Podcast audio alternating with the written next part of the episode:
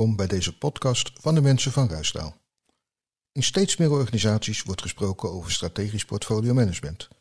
Logisch, want de essentie van portfolio management is het realiseren van de strategische doelen van die organisatie. De laatste tijd zien we een trend dat organisaties meer grip willen krijgen op het realiseren van hun strategische doelen en daarvoor portfolio management in willen zetten. Maar de stap naar strategisch portfolio management is niet simpel. De praktijk is weerbarstig. Daarom zijn we erg blij dat in deze podcast onze relatie CEZ hun ervaringen wil delen met deze stap. Mijn naam is John Langelaar en voor deze podcast heb ik twee gasten aan tafel en die gasten zijn... Hedwig Elders, portfolio management manager binnen het CEZ en Colette Schellinger, ook portfolio-manager bij het Centrum Indicatiestellingzorg CIZ. allereerst hartstikke fijn dat jullie tijd voor ons hebben vrijgemaakt. Want dit is een heel mooi verhaal, dat weet ik. En ik, mooi dat we dit met alle vakcollega's kunnen, kunnen delen. Nou, portfolio-manager is jullie rol. Dat uh, die is denk ik voor velen bekend. Maar CIZ is denk ik wat minder bekend. Kunnen jullie kort uitleggen waar CIZ voor staat?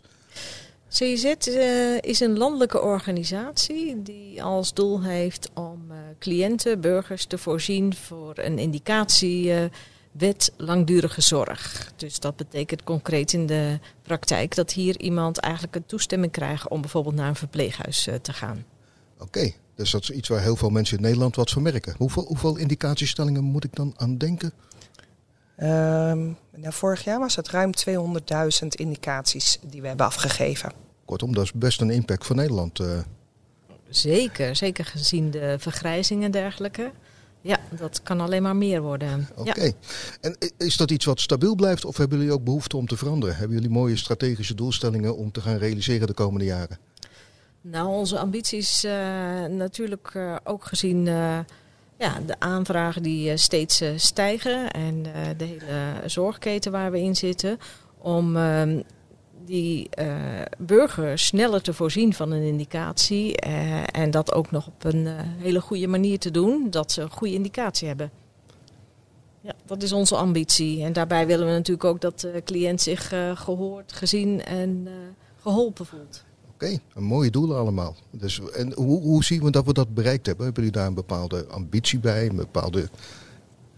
Ja, waar we naartoe willen, alle verbeteringen en dergelijke, die staat beschreven. Waar we in 2026 willen staan, wat we allemaal verbeterd willen hebben. Sneller, kwalitatief beter en dergelijke. Die ambitie ligt op plank. Uh, maar waar we tegenaan liepen is van, uh, hoe ga je dat nou bereiken allemaal? is dat, dat is lastig. Ja, dat is lastig. Ja, waar ga je beginnen? Wat wil je doen? Niet te veel, niet te weinig. En uh, Colette, hoe zag je dat? Hoe merk je dat, dat dat lastig is en moeilijk is? Nou, we zitten gewoon in een uh, bewegende omgeving. We zien dat de aanvraag stijgen, maar we zien ook dat de uh, zorg moet betaalbaar zijn, de arbeidskrapte. En hoe ga je daar goed mee om om nu, maar ook in de toekomst te zorgen dat uh, mensen hun indicatie krijgen. Um, en uh, passende binnen wat er allemaal speelt. Je ziet de automatisering, dus hoe kunnen we gebruik maken van alles wat er in de wereld om ons heen gebeurt. Oké. Nou, dus wat ik hoor is een, een CEZ in beweging, in een omgeving in beweging, met een ambitie om te veranderen, om dingen sneller en beter te doen. Ik ken heel veel organisaties die hebben daar best moeite om dat handjes en voetjes te geven. Hoe was dat bij jullie? Nou, herkenbaar. Uh, wij zaten er ook mee te worstelen. Van, de, we hadden vanuit het management en bestuur wel een mooi stip van waar willen we staan in 2026. Maar hoe ga je er komen? En ik vergelijk hem eigenlijk zelf met een, voorraadkast waar alles door elkaar staat. En hoe kan je nou uh, een pizza gaan maken wanneer je niet weet waar, welke ingrediënten je nodig hebt en of je die wel hebt. Dus hoe ga je eerst ordening brengen in alles wat je hebt? En uh, in die zoektocht kwamen we erachter dat we heel veel hadden. We hadden uh, heel veel documenten waarin eigenlijk al wel uitgewerkt stond van wat we allemaal zouden willen en uh, hoe we het zouden willen doen. Maar hoe ga je de structuur inbrengen? Dus we zijn eerst gestart om alles te verzamelen en daar eens in te gaan kijken. En vanuit daar gaan kijken van oké, maar wat willen we nou gaan doen en wat hebben we daarvoor nodig? Een hele mooie les tegelijk. Hè? Dat constateren we zelf ook heel vaak. Er is vaak al heel veel meer dan je denkt. Als je alleen al inventariseert wat je hebt, is er heel veel al beschikbaar. als je kijkt, Hedwig, wat waren de drie belangrijkste dingen die jullie zo voor, voor beschikbaar hadden al? Nou, de, de ambitie 2026 zijn er al visies beschreven, onder andere over automatiseren en dergelijke. Ehm, verder hadden we ook een werkplan. Dus elk jaar schrijven we werkplannen. Dus het werkplan voor 23 was er ook al. En vervolgens hadden we ook uh, stip op de horizon. Dus dat is echt die verre toekomst is al beschreven. Uh, met de visiedocumenten erachter. En uh, ja, de werkplannen die we hebben, die we elk jaar eh, ja. gewoon voor, ja, voor onze toekomst schrijven. Dus dat was al in ons bezit. Alleen hoe breng je daar samenhang tussen en hoe kom je dan concreet toch nog tot je acties voor nu en over een paar kwartalen? Ja. Nou, nou is dat altijd een vraag. Hè? Wat mij eh, wel intrigeert is waarom was op dit moment nou eens een keer die behoefte om het een keer anders te gaan doen? Wat was daar de, de, de, de aanleiding voor? Nou, de aanleiding is ook dat uh, elke afdeling uh, die gewoon zijn eigen portefeuille heeft van allerlei veranderonderwerpen, ook elkaar nodig heeft om die veranderingen door te maken. En iedereen klopt uh, op elkaars deur van ik heb jou nodig. En dat doen we allemaal bij elkaar. Dus vervolgens zijn alle agenda's gewoon overvol. En er zat gewoon geen lijn in uh, van wanneer lever je nu wat op, wanneer hebben we wat in handen, wie werkt eraan mee. Dus we waren gewoon met de overvolle agenda's. was er eigenlijk geen koers om richting die ambitie te gaan. En daar willen we verandering in aanbrengen om echt koersgericht met elkaar in samenwerking beheers te kunnen veranderen. Klinkt heel mooi, hè, die ambitie. Ja. En is, is, wat hebben jullie gedaan om dat waar te maken? Um, wat wij uh, gedaan hebben, zoals Colette vertelde, we hadden wel alle ingrediënten. Uh, maar hoe pak je dat nou aan om aan de slag te gaan? We hebben gekozen voor de werkwijze OGSM. En dat staat voor uh, O is een objectief, dus dat zijn onze ambities. de G voor de doelen. De S voor de strategieën, de aanpak, hoe ga je dat doen? En de M voor de acties, de measures. dus die, dat is een werkwijze die hebben we opgepakt. Um, dus daar zijn wij mee aan de slag gegaan. En samen ook met de managers en bestuur. Die zelf natuurlijk achter die hele ambitie staan. Die weten wat dat allemaal inhoudt. En zo wilden we hem eigenlijk van boven naar beneden afpellen. Om dan te komen tot echte plannen. Uh, de eerste focus was gericht op een werkplan 2024. En dan spreek ik over uh, nou ja, begin half 2023, waarin okay. we dat gerealiseerd hebben. Okay. Ja. OGSM, hè? want je, je, je doet het al even, het is een, het is een methodiek. Hè? Ja. Misschien niet voor iedereen bekend. Uh, iets meer over, uh, over uitleggen? Ja, kort gezegd is het gewoon een businessplan op één A4'tje. Een businessplan op één A4, dat klinkt fantastisch. en ja, hoe werkt...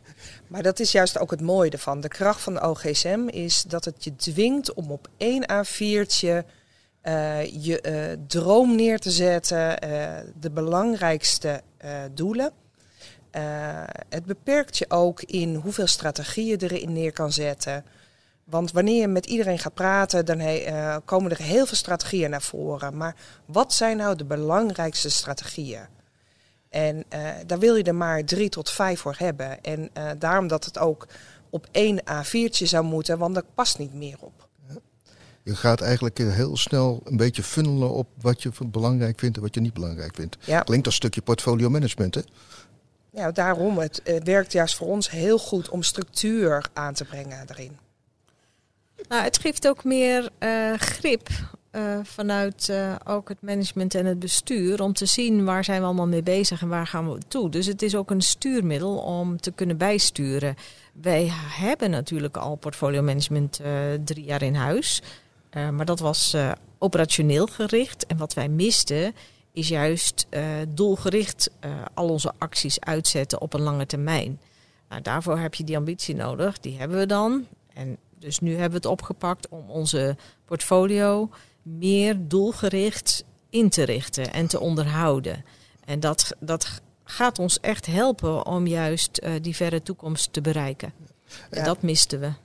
En wat het mooiste hiervan was, uh, want waarom hebben we dit ook gedaan, is uh, we schrijven als CZ elk jaar een werkplan voor een jaar wat we willen gaan doen.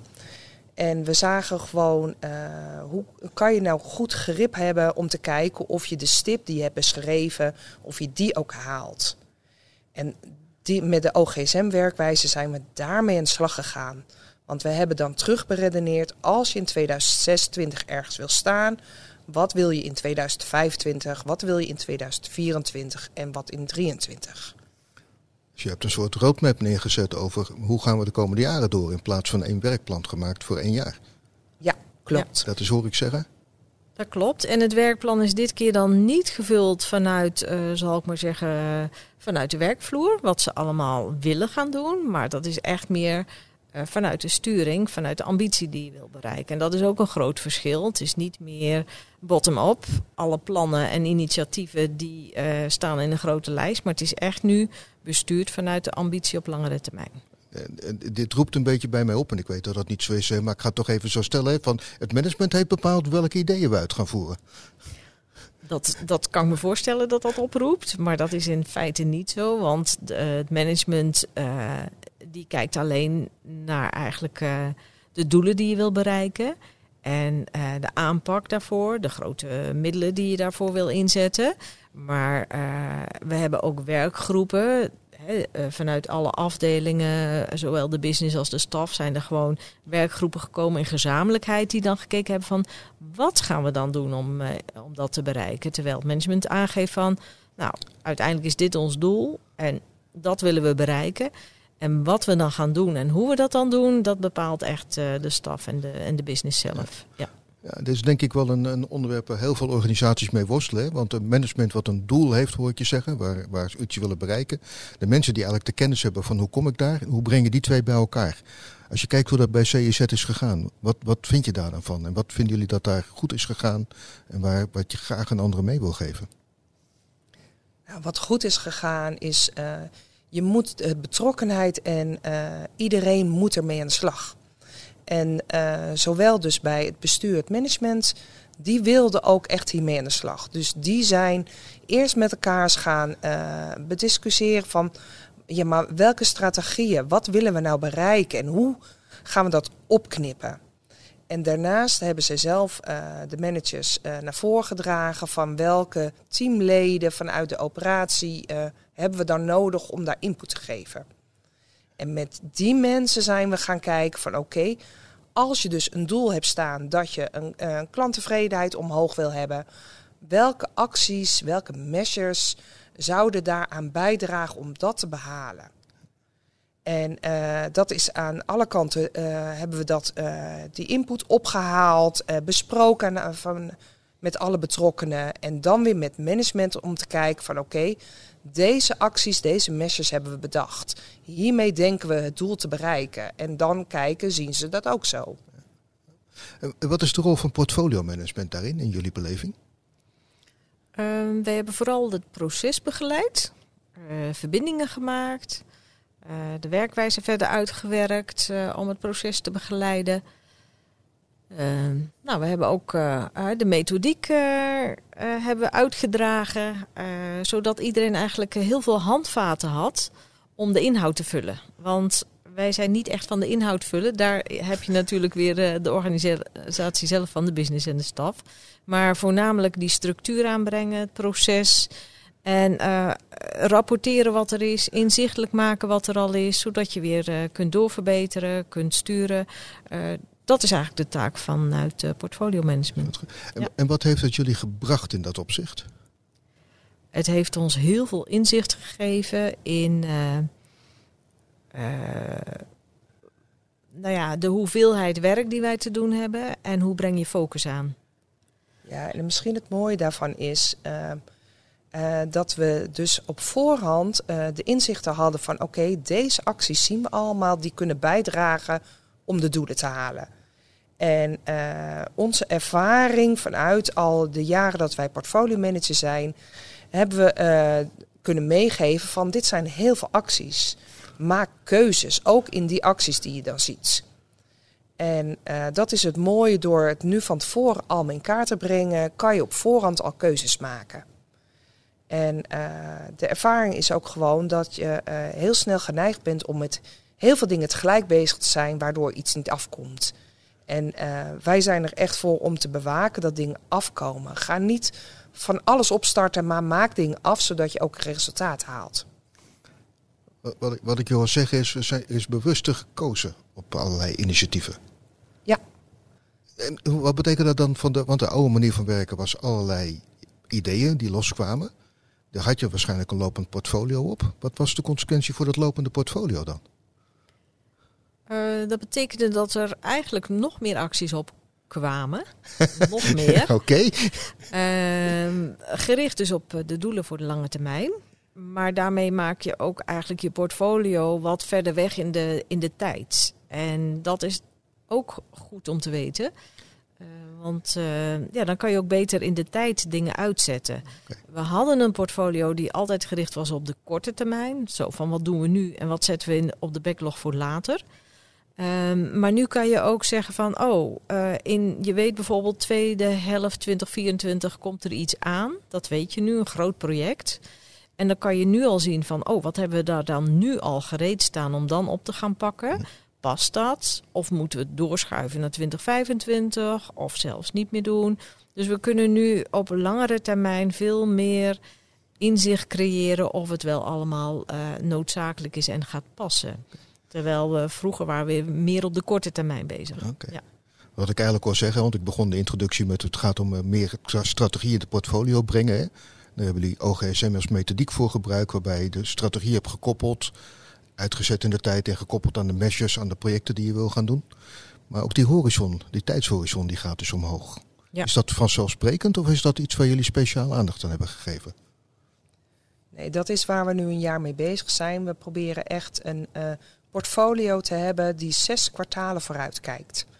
Eh, dat we daar vulling op hebben en dat we goed keuzes maken van wat willen we eh, volgend kwartaal doen, maar ook wat willen we over een half jaar doen, over een jaar doen.